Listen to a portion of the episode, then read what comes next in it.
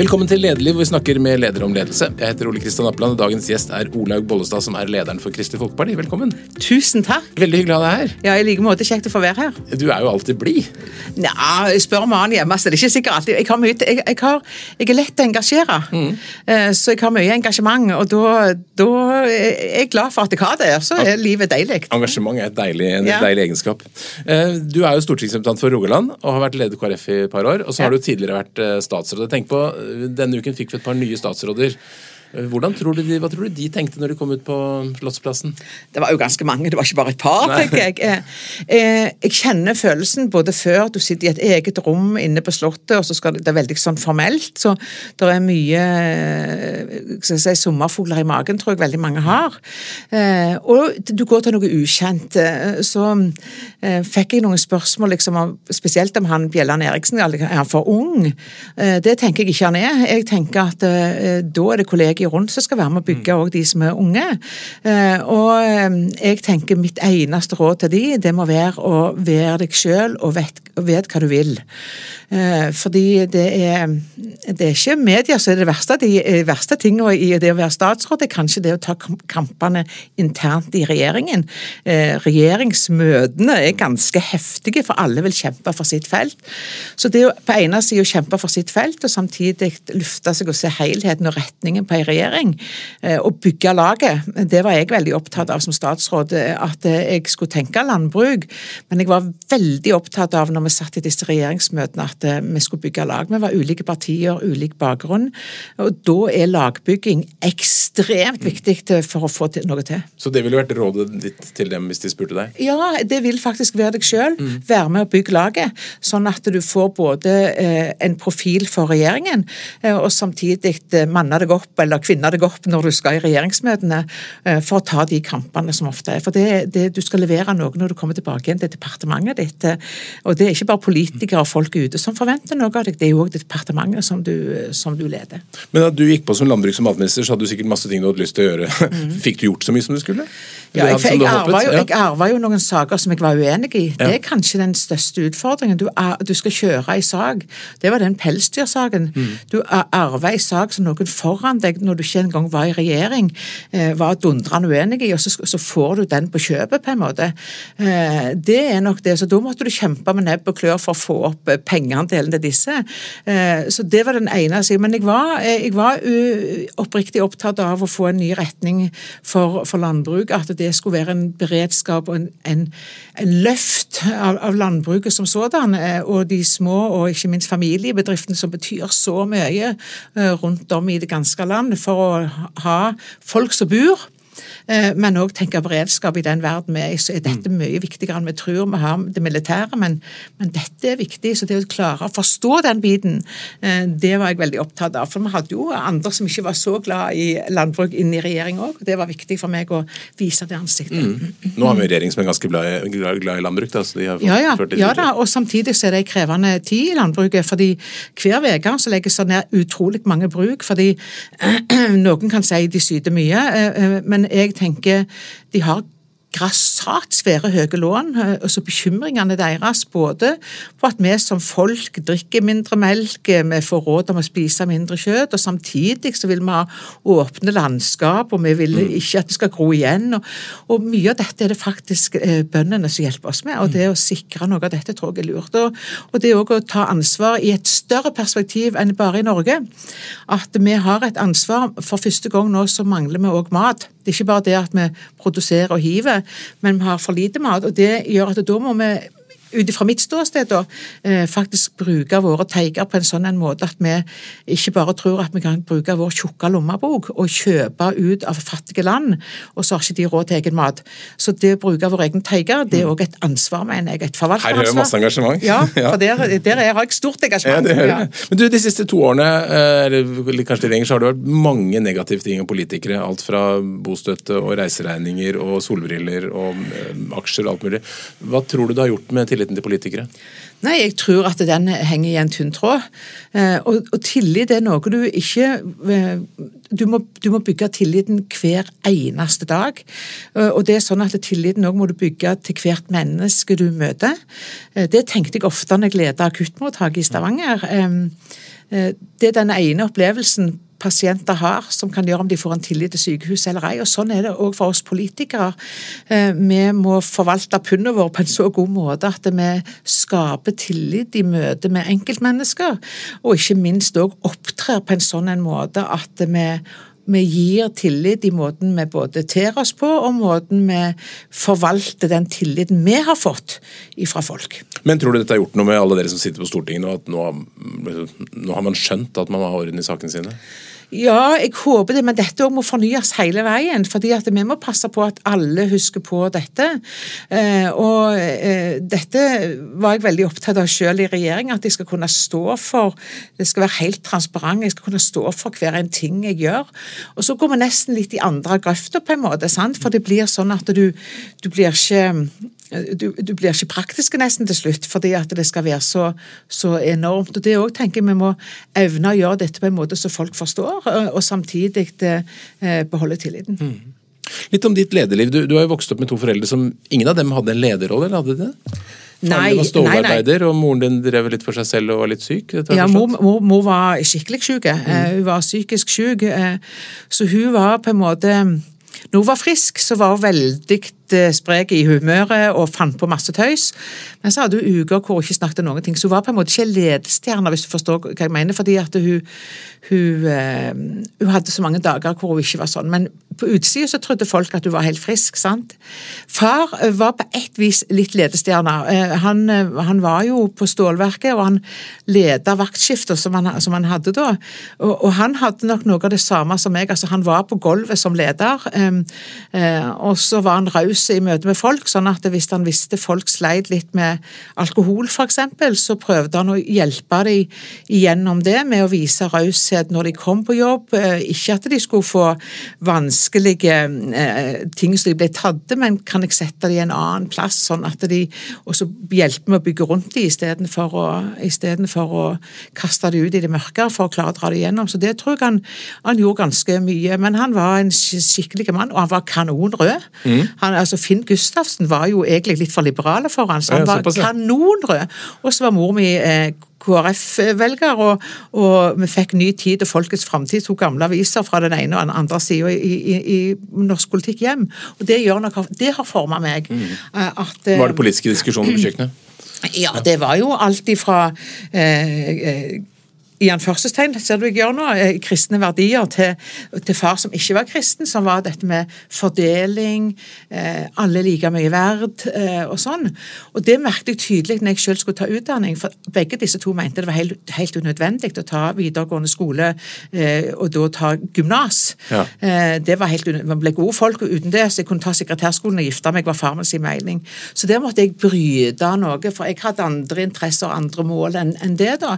Eh, og så jeg søsken som har de praktiske utdanningene. Mm. Men når er første gang du kan huske at du fikk lederansvar, eller tok lederansvar for noe?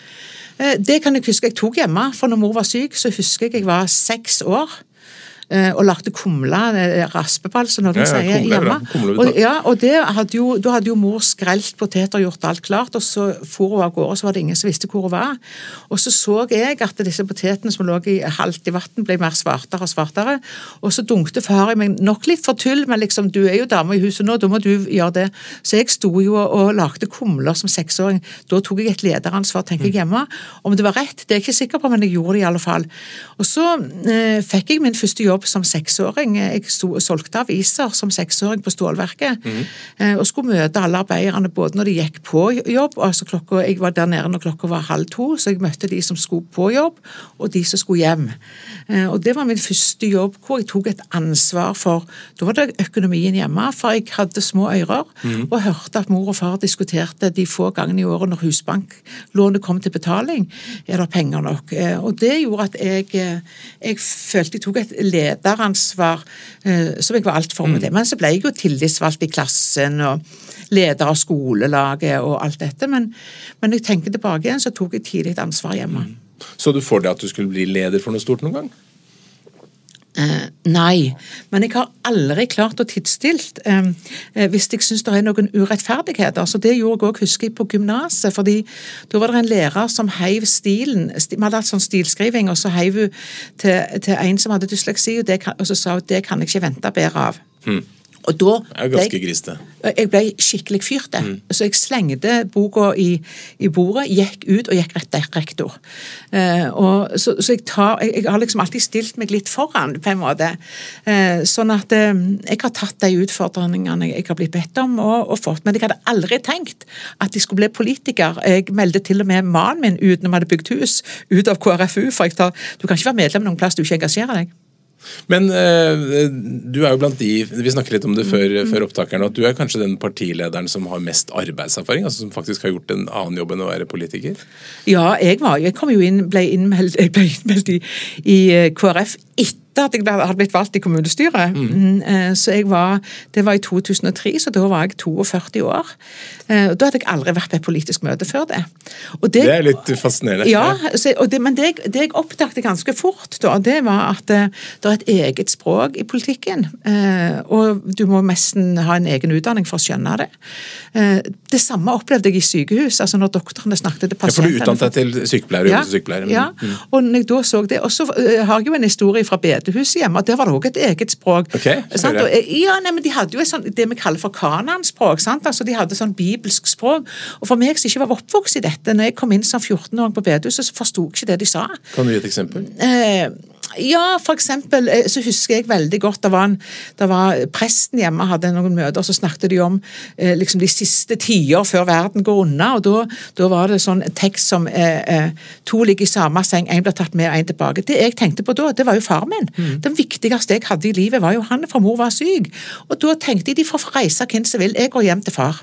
Eh, og Det jeg ikke da skjønte, det var liksom at det var et bilde på noe. sant? Så kom jeg inn i sykehuset og, og utdanna meg der, så, så, så, hørte jeg jo leger sa liksom ja, hvordan er det med transaminasene? Det er altså leverprøver eller prøver når du har et hjerte... Kan du ikke heller si at bare sitt på blodprøvene dine, vi ser du har hatt et hjerteinfarkt. Kan vi ikke si det, da? Så det blir en avstand. altså Språk er makt. Og det tenker jeg òg når jeg kom inn i, i politikken, så var det politisk del og samfunnsdel i kommuneplanen hvem som forstår det? Mm. Og da, Istedenfor å si vi har en plan som vi vil ha for Gjesdal kommune, som skal gjøre det beste for hvordan vi skal, hvor skal vi bo henne, og hvor skal industrien være, hvor vil vi ha veiene våre. Det kan jo folk skjønne. Men det var ikke helt gitt at du skulle inn i KrF, for det var flere partier som ville ha deg? Ja, ja, det var fire partier som spurte meg, så leste jeg programmet deres. Eh, det var mye løyt i programmet. Men hvorfor ville fire partier ha deg? Altså, hva hadde du gjort for å Ja, Det jeg hadde gjort da, det, det, de nok gjorde at det la mest merke til meg, det var at jeg, mens jeg jobbet på sykehuset, så ble òg mannen min skikkelig syk i 2000. Eh, og Da fikk han en type hjerneblødning som jeg visste at 75% dør momentant. 20 eh, overlever, men de blir ødelagt i hodet, og så 5 overlever og, og blir uh, helt fine. Og Han var blant de 5 da. Mm. Og Det var jo fordi jeg hadde jo um, funnet han og gjort det jeg skulle og alt dette her. Uh, og Så ble det en diskusjon i etterkant om de skulle legge ned en enhet på sykehuset i Stavanger som, som opererer i hodet hvis det står helt akutt til. Mm. Uh, og da, da, engasjerte jeg meg i dette som, så, og sa at det går ikke an, for det nytter ikke å redde magen til folk hvis du blir ødelagt i hodet. Eh, og da så satt jeg på et sånt stort møte med media, eh, og så sier direktøren at du kan ikke uttale deg, for du jobber her. Så tok jeg av meg den hvite frakken, og så sa jeg at da er jeg pårørende. Og Det ble jo framsida i Stavanger Aftenblad, eh, og eh, det ble et eh, fakkeltog i Stavanger, og vi klarte å redde dette på en god måte, som var godt både for Haukeland, men også godt for Stavanger, som gjorde at akuttmedisin på et av de største sykehusene i landet vårt ble på en måte en plogspiss. og det, Så det, det, var nok utgangspunktet for, det, for, dette. Men den andre biten som jeg tror folk også så, det var en helt annen situasjon. Det var at jeg som leder av akuttmottak tok hver før jul så hadde jeg alliert meg med ambulansen, så de reiste ut og hentet alle de som ikke hadde fast bopel, som de så. Så hadde jeg vært på Fretex og fått masse nye klær, jeg hadde bestilt masse middag og mat til dem, og så badet jeg og klipte dem. Mm -hmm. um, og dette var personalet med på. Det skapte et engasjement og en veldig god måte å bygge team på.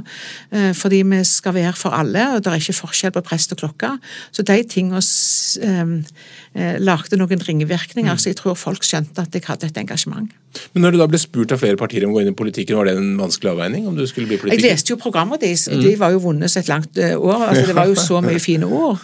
Eh, men det som gjorde at jeg valgte KrF, det var for det første at jeg er, jeg er enig i verdigrunnlaget. Eh, og det andre er at jeg er ikke alltid enig i politiske løsninger, så jeg taper jo ting nå òg. Men det, det, tåler jeg, for det at det er ikke alltid en leder skal få det som de vil. Men det andre var jo at det betydde utrolig mye at det var en ordfører som heter Karl Eid Vaksnes, han var kanonlure, for han ville bygge profil. Mm. Så når han spurte, så, så, så takket jeg da ja til den. Og så kom jeg inn i kommunestyret. Jeg sto langt ned på lista, men ble, ble krysset inn i kommunestyret. Eh, og kom i formannskapet for første gang. Jeg hadde jo ikke vært på et politisk møte. Og så når jeg hadde vært der i to, to år, tror jeg det var, så sier han eh, vil du bli ordfører neste periode. Så sier jeg har du tro på det? Ja, men da skal jeg være med å bygge deg. Så da tok han meg med på veldig mye.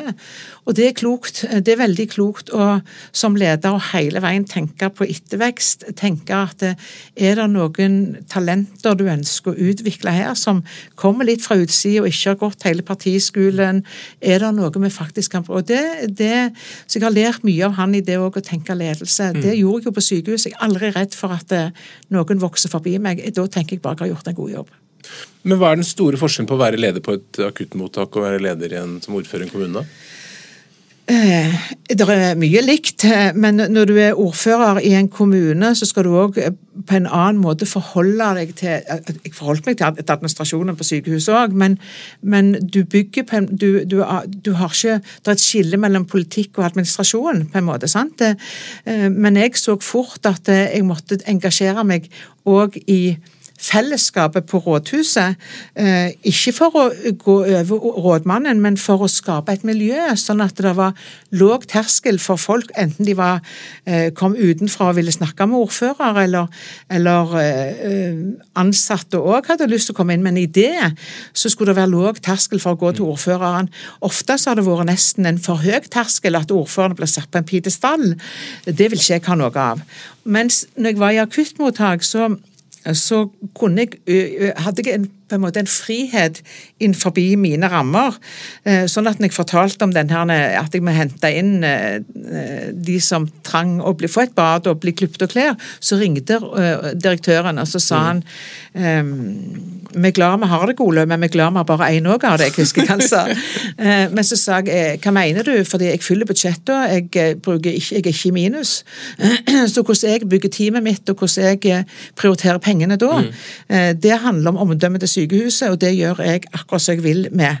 Og det fikk jeg aksept for. Men tenker du at, du at, det gir deg en spesiell fordel i politikken at du faktisk da har ganske mange år i arbeidslivet bak deg? Ja, eh, eh, jeg tror nok iallfall at eh, jeg klarer å se ting litt fra utsida av. For det er ikke alltid sånn at vi skal arve alle løsninger. Det er lett for at vi på en måte ja, Siden du ikke kjenner historien, så det er mye makt i det. Mm. Eh, for det er ikke sånn at eh, vedet ikke er fordelt. Det er ganske fordelt. Og jeg tror det å komme inn med noen andre briller, både eh, på løsninger, på å bygge team, og ikke minst òg på, på, språk. Mm. Jeg er ekstremt opptatt av at jeg ikke skal miste mitt et eget språk som forteller hvordan jeg tenker. For det er jo det jeg uttrykker gjennom mitt språk. Mm. Og så har du da, For et par år siden så ble du partileder. Ja. Hadde du da en tanker, Det kom jo litt brått, kanskje, men, men hadde du noen tanker om at liksom, når du går til å være den øverste lederen i partiet ditt, hva slags leder du ville være? Ja, Jeg vil være den lederen jeg er, mm. Eh, og så får partiet ta meg for det det er. og Hvis ikke, så får de finne noen andre. Men Var du oppdratt da på samme måte som du var i ordførerrollen? Var det noen som hadde sagt, pekt deg ut på forhånd og gitt deg en slags eh, Nei, nei, nei altså jeg fikk jo spør spørsmål fra, fra den uh, valgkomiteen da, um, og, og, tenkte litt igjennom det. Og så tenker jeg jeg var ikke Kjell Ingolf var foran meg, jeg var heller ikke Knut Arild, jeg er ikke Dagfinn Høybråten, jeg er ikke Kjell Magne Bondevik. Jeg må være, eller Valgjerd, mm. jeg må være den jeg er, inn i den rollen.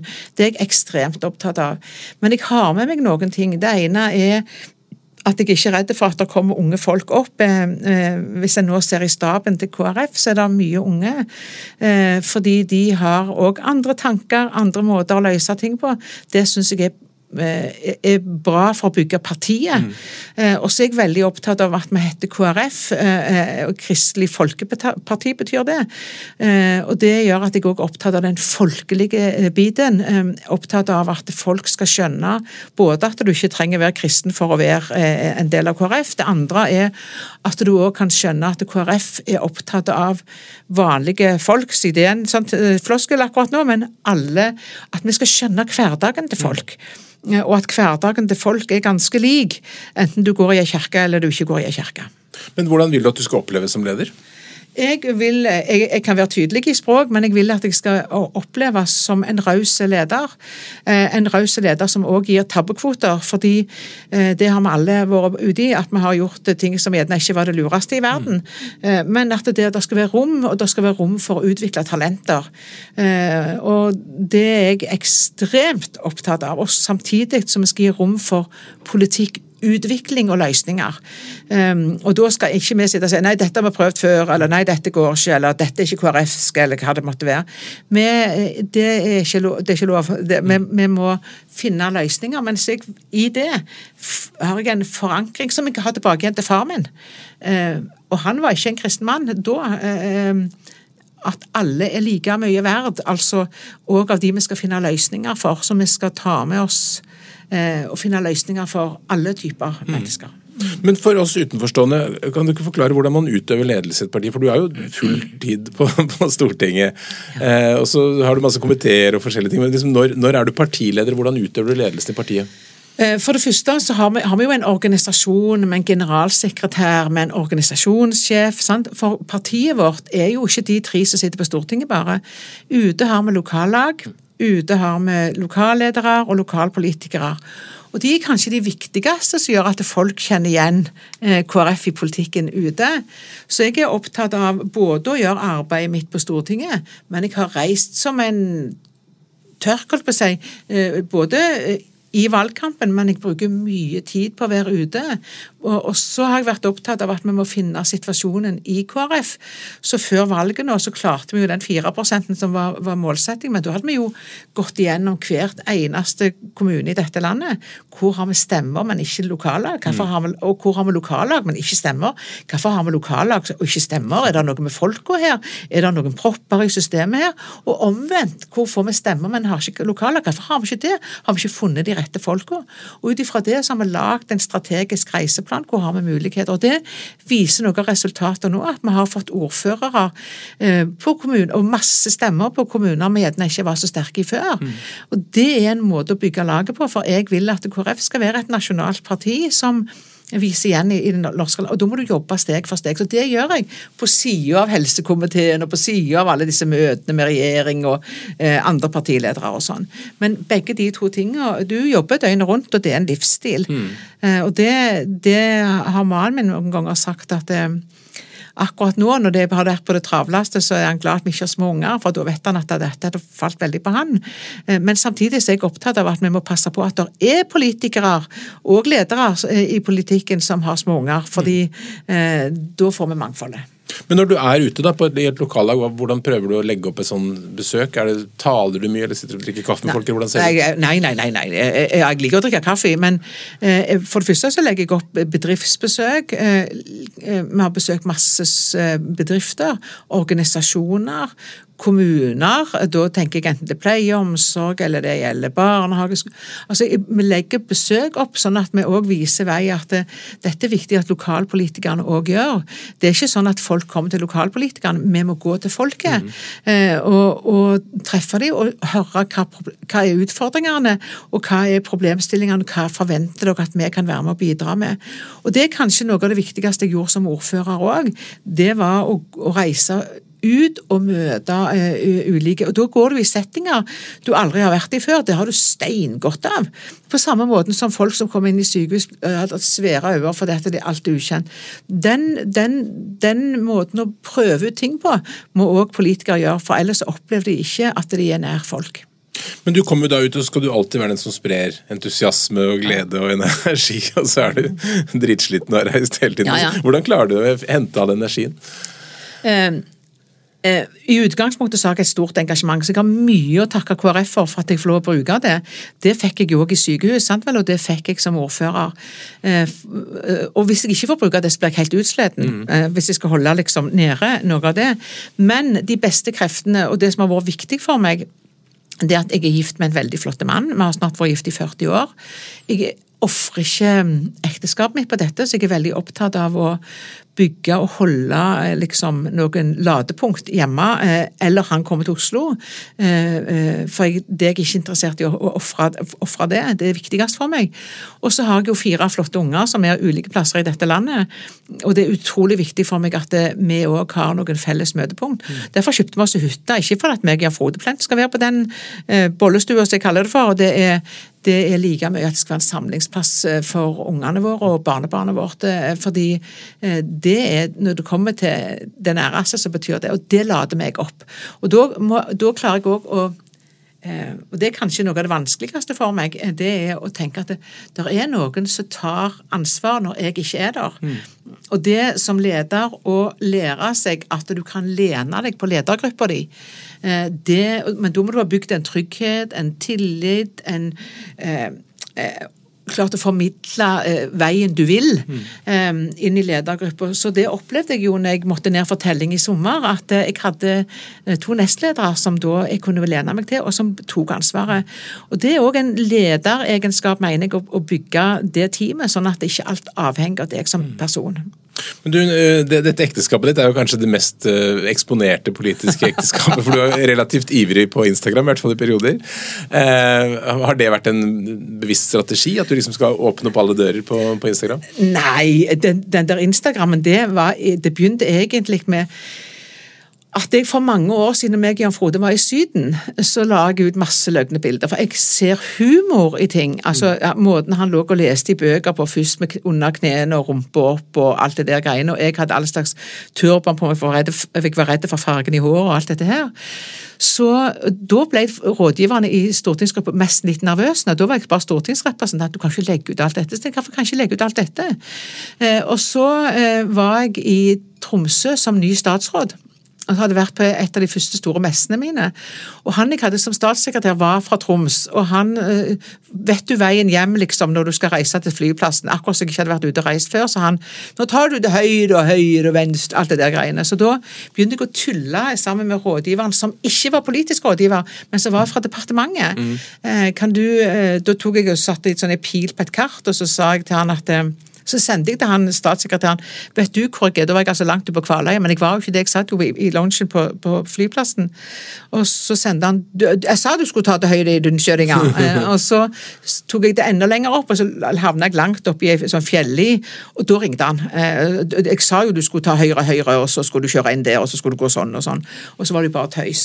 Eh, og, og da fikk vi jo litt latter av det, meg og hun rådgiveren, og så sa jeg til henne at jeg, jeg sitter med masse bilder, og så har jeg jeg, jeg, har en Instagram, men jeg vet ikke hvordan jeg får på bildene, for jeg er ikke så teknisk. Kan du hjelpe meg? Så mm. viste du meg den plussknappen, og, og da begynte det. Og den styrer jeg helt sjøl. Jeg har ingen rådgivere inni den, ingen har tilgang. Ikke Jan Frode heller, det er min. Eh, og jeg velger hva jeg legger ut, og det er ikke alltid jeg spør Jan Frode, men han er så vant med det, så jeg legger ut på den akkurat det som passer meg. Så jeg har ingen strategi bak det. Men det har jo vært, det har eksplodert. Ja, det var jo helt vanvittig. Så jeg husker dette var i juni i 2019, og så på sommeren så ringte VG til partiet, og så ringte de meg opp i ferien og tenkte nå får jeg kjeft. Eh, men det gjorde jeg ikke. Da var det, men jeg bare tenker at eh, eh da syntes VG det var litt bra, og det var jeg litt overgitt over. Men for meg så handler det ikke om at jeg har en strategi. Jeg tenker at det, det flotte i Norge er at det er vanlige folk som er med og styrer. Eh, og vi som styrer på Stortinget, eh, og som styrer partier, vi er vanlige folk. Vi er akkurat det samme. Vi har det ikke alltid ryddig hjemme. Vi kommer ikke alltid glasert i fjeset, Barna vi har vært i sminke på TV-studio. Det livet vi har eh, Og jeg tenker at det er noe vi òg skal ta vare på. For det er nok av land som har stor avstand. Og så er den andre tingen det at jeg er så drita, unnskyld uttrykket, lei av at vi skal gjøre oss som perfekte. Eh, enten vi er ledere, eller vi er politikere, eh, eller så er vi Og det skaper et press på å bli noe annet enn den du er. Eh, og det, hvis jeg har noen misjon, så er det akkurat det. Dette dere ser på Instagrammen min, det er Olaug, og det er Jan Frode. Og vi bruker disse ordene larkens fordi at når ungene var små, og vi skulle pakke fotballmål og dokkevogner og alt inn i bilen, og den fjerde ungen hang i puppen min, så husker jeg jeg så på Jan Frode, så sa jeg nå vi piker det akkurat som herr og fru Larkens, og så ble det etterpå sånn. Mm. Men de unge forstår ikke det navnet engang. Nei, for dette, Det refererer langs en TV-serie som Ja, ja. Det var jo ene, det mm. eneste mm. som var med den TV-serien, det var at han Larkens han var litt med mange damer. Det gjør ikke min Larkens. Men, men utover det så, så minner det litt om det. Litt folk som var nedpå, folk som hadde mye rot og inn i bilen med alt. Og du hadde fire unger på åtte år. Det, det er ganske krevende.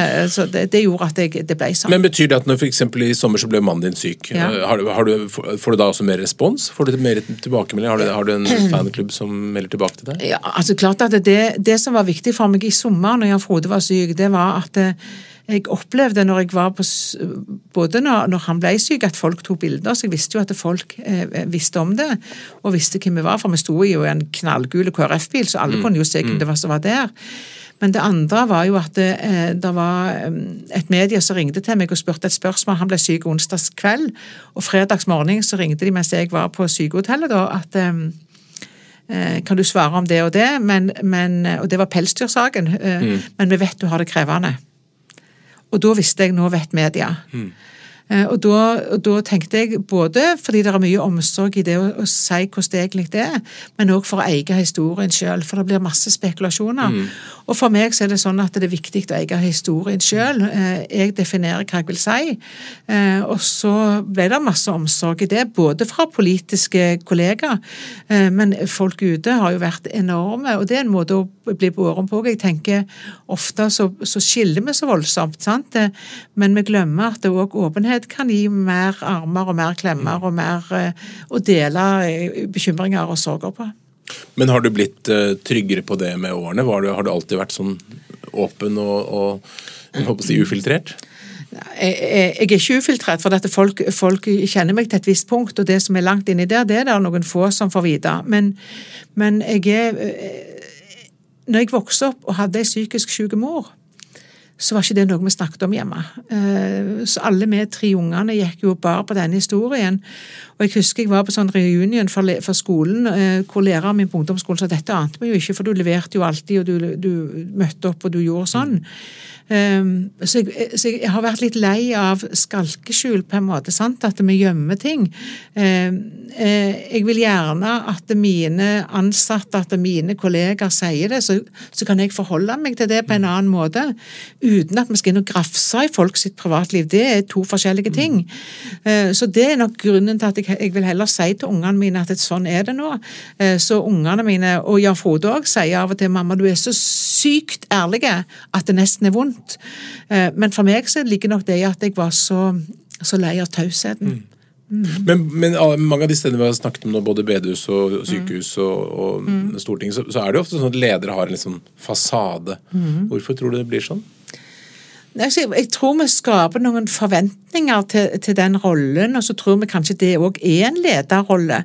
Eh, jeg tenker at en leder som ikke verken innrømmer eller viser svakhet, er ikke sikkert det er den beste lederen. Eh, fordi at jeg tror nemlig at, eh, at eh, klarer en å lede mm, vedkommende vel hen samtidig som en får til et fellesskap, så tror jeg det er en bedre form for ledelse sjøl. Mm. Og, og, det å skape fasader, som ofte blir, det skaper også en avstand.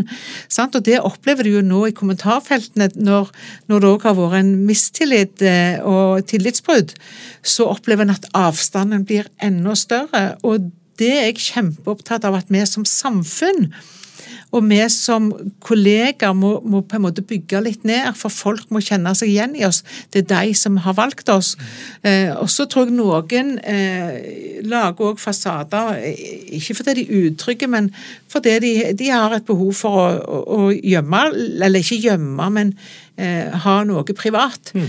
Eh, mens, eh, og det har jo jeg òg, selv om folk føler de kjenner meg veldig godt. Men jeg har noe som er helt privat, som bare mine nærmeste venner. Og, og vet det er jo noe ikke ungene engang vet, for dette, det skal ikke de vite. De skal ikke føle den bekymringen for mor og far. Eh, og det, det, det å vite tid jeg sier hva, hvor, er ekstremt viktig for meg. Mm. Men så har jeg lyst til å vanliggjøre dette. Jeg var jo voksen jeg kom inn i politikken. Jeg hadde ikke politisk erfaring, så når de begynner å snakke om disse unge statsrådene de har, ikke, de har, jo mye mer politisk erfaring før de kom i den stolen enn det jeg hadde.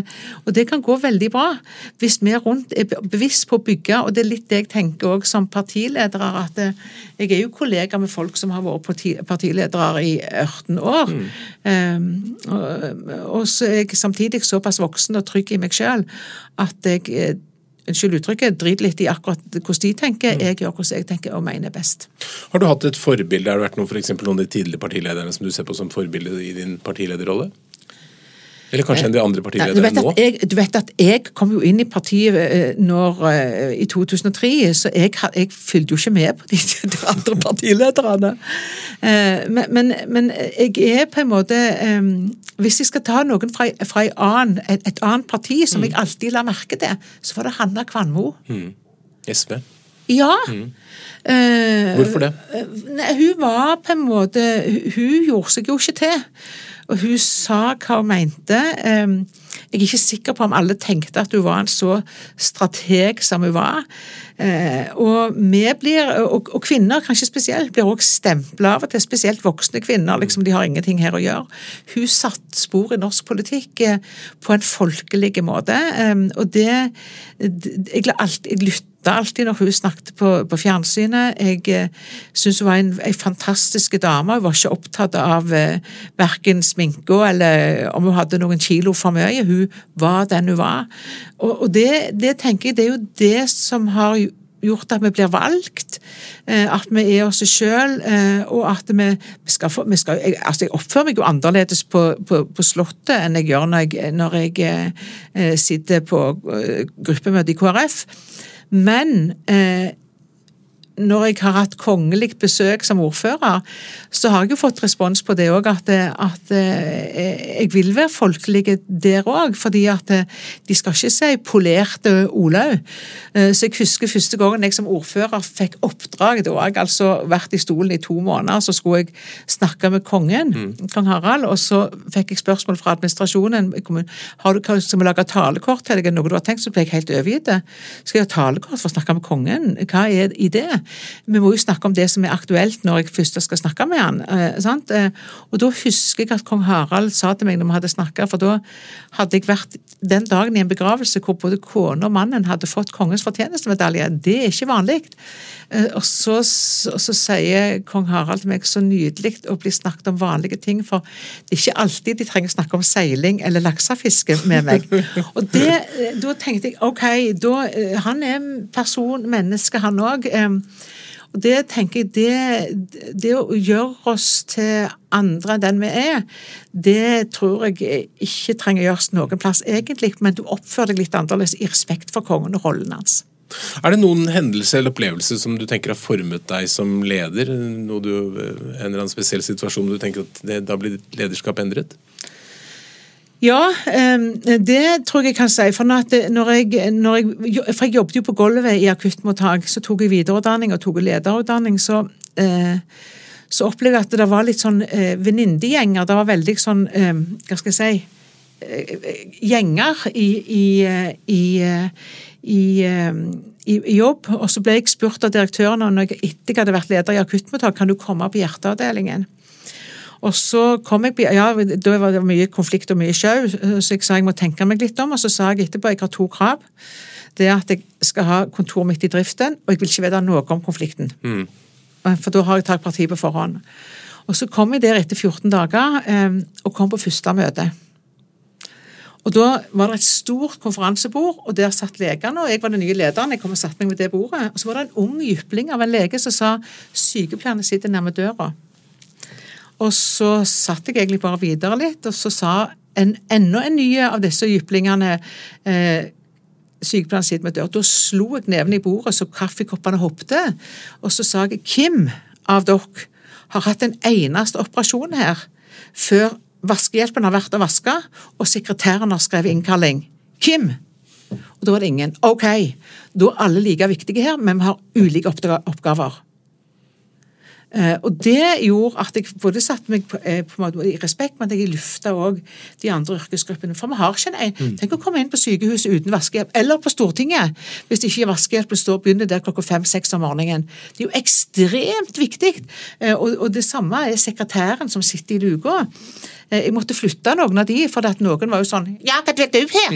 Og pasientene sang foran vinduet istedenfor å si velkommen til oss, du har time nå. Eh, og da må vi sette folk der de passer best. Hun som jeg flytta, hun var best til å skrive når det var gjaldt vi skulle flytte pasienter til Haukeland eller Oslo. Eh, men det å skjønne at vi er like viktige, det er ikke noen som har monopol på å sitte øverst og nederst ved bordet. Så det endra meg totalt i måten å møte Eh, hele personalet på. Ble du eh, respektert for det etter hvert? Ja, ja. ja, ja fordi at eh, jeg husker òg etterpå så hadde vi en, jeg husker vi hadde en hjertestans De hadde operert vedkommende, så fikk han stans på operasjonsbordet. Det var, en, det var sånn blokking av infarkter, vet du. Og så hadde, så hadde jeg med pårørende, for da så jeg at pårørende kom, ei ung jente med blomster Eh, hun hadde begynt, Det var i august-september. Hun hadde begynt på blomsteroppsetting i videregående skole, så hun skulle besøke bestefar, og så var han dårlig. Og Så kom altså mor til denne jenta, og så kom bestemor til jenta, som da var ektefelle. Og Så satt vi rundt der, og så syntes disse professorene det var helt unødvendig å ta vare på disse pårørende. Og så sa jeg bare at uh, uansett hva dere sier, så skal disse inn og se bestefar, far, uh, ektefelle når vi, skal, uh, når, når, vi har kommet der vi skal. Og da, han professoren, som da han ene av dem, han kjente jeg så godt at når han hadde sånne rynker på sida her, da var, da var, det vanskelig. Men når de begynte å gå litt opp, så begynte tid å, og, ting å bli bedre. Så han kom litt ut inn og forklarte hva som foregikk. Og så var det over, over 20 stykk på det meste inne på den stua og skulle hjelpe å komprimere og alt det der de holdt på med. Og så eh, kom de inn, så da så jeg disse rynkene var litt oppe. Så sier han legen um, og professoren da eh, Nå har vi klart å stabilisere eh, morfar, eh, bestefar eller, og far og ektefelle, så nå, så nå gjør jeg sola og sier nå kan dere komme inn på den operasjonsstua. Så går denne jenta inn. Alle disse operasjonsfolka sto langs veggen, og det så ut som de hadde, de hadde munnbind og så sånne huer, så du, mm. så, det så ut som, du så ingenting annet enn øynene. Og Så går denne jenta bort, og så legger hun eh, Bestefar var jo eh, bedøvd da, så hun gikk bort og så la hun eh, blomsterbuketten oppå eh, bestefaren sitt brystkasse, så sa jeg jo 'hei, bestefar'. Så sa det bare gunk, og så kom øynene til bestefar opp. For han hørte jo. Eh, og da så jeg på kollegaene mine rundt. Eh, at eh, tårene rant. Og så kjørte vi bestefar på intensiv og sånn, og så hadde vi debrifing etterpå. Det mente alle var helt unødvendig, for det hadde vi aldri gjort før. Og Da sa jeg til han professoren du har en jobb her inne å gjøre nå, og det skal du pinadø gjøre. Du skal si til den unge portøren på noe av 20 år som står og komprimerer så lenge som han gjorde i en blyfrakt, det er kanontungt. Du skal si til han at du var med å redde livet i dag, at det ikke bare er dere professorer som har gjort det. Ja, ja, jeg skal si det, sa han. Og man syntes det var unødvendig. Men så sier han da innledningsvis i debrifingen i dag har jeg lært, sier han, at eh, pasienten er noe mer enn et kasus under disse papirene. Det er en far, en bestefar, en ektemann. Eh, og du, sa han til den portøren, du var med å redde livet hans. Og det, det ble etter hvert en sånn stemning da at vi var like viktige. Eh, vi må jobbe i team, for vi redder liv. Det tenker jeg òg i politikken, faktisk. Det drar jeg med meg inn òg. Noen kan møte en utfordring med å lytte lytte. Andre kan eh, komme med en løsning om de bare er 20 år eller KrFU på 16 år. Mm. Og det å si at alle disse er like viktig, for vi skal lage et to totalbilde. For vi i anførselstegn skal redde livet i Norge og bygge et godt samfunn. Så, så for meg så, det, så, har det eh, betydd mye at jeg har jobba på den måten. Eh, og det har jeg jobbet, og og jeg har jobba med å bygge enkeltpersoner eh, fordi de har masse å bidra med. Mm. Og det skaper jo en annen stemning. Da, sånn at da var det ikke sånn at det var professoren bestem, som bestemte hva tid vi skulle ha overtid, og hva tid vi ikke skulle ha, når det passet han. Da lagde vi dette i ordna forhold, for det var like viktig å få med sykepleieren som skulle hente ungen i barnehagen, så det var for professoren å kunne gjøre operasjonen. Mm. Helt til slutt, Ole Bolstad, Hvis det kommer en ung leder til deg som f.eks. har blitt fylkesleder, da, som, mm. eller ikke har hatt lederverv, hva er de tre viktigste lederrådene du vil gi? Vær deg sjøl er nok eh, det første jeg vil si. Ikke, ikke herm, som jeg sier, eller etterligne noe, men ha tro på at du er valgt for det du er, den du er. To, lag bygd teamet rundt deg, eh, sånn at du har noen å lene deg på når det er krevende. Punkt tre, vet, eh, finn ut hva du vil, og hvordan du vil komme dit. Gode råd. Hjertelig takk for at du kom til Lederliv. Tusen takk for at jeg fikk komme.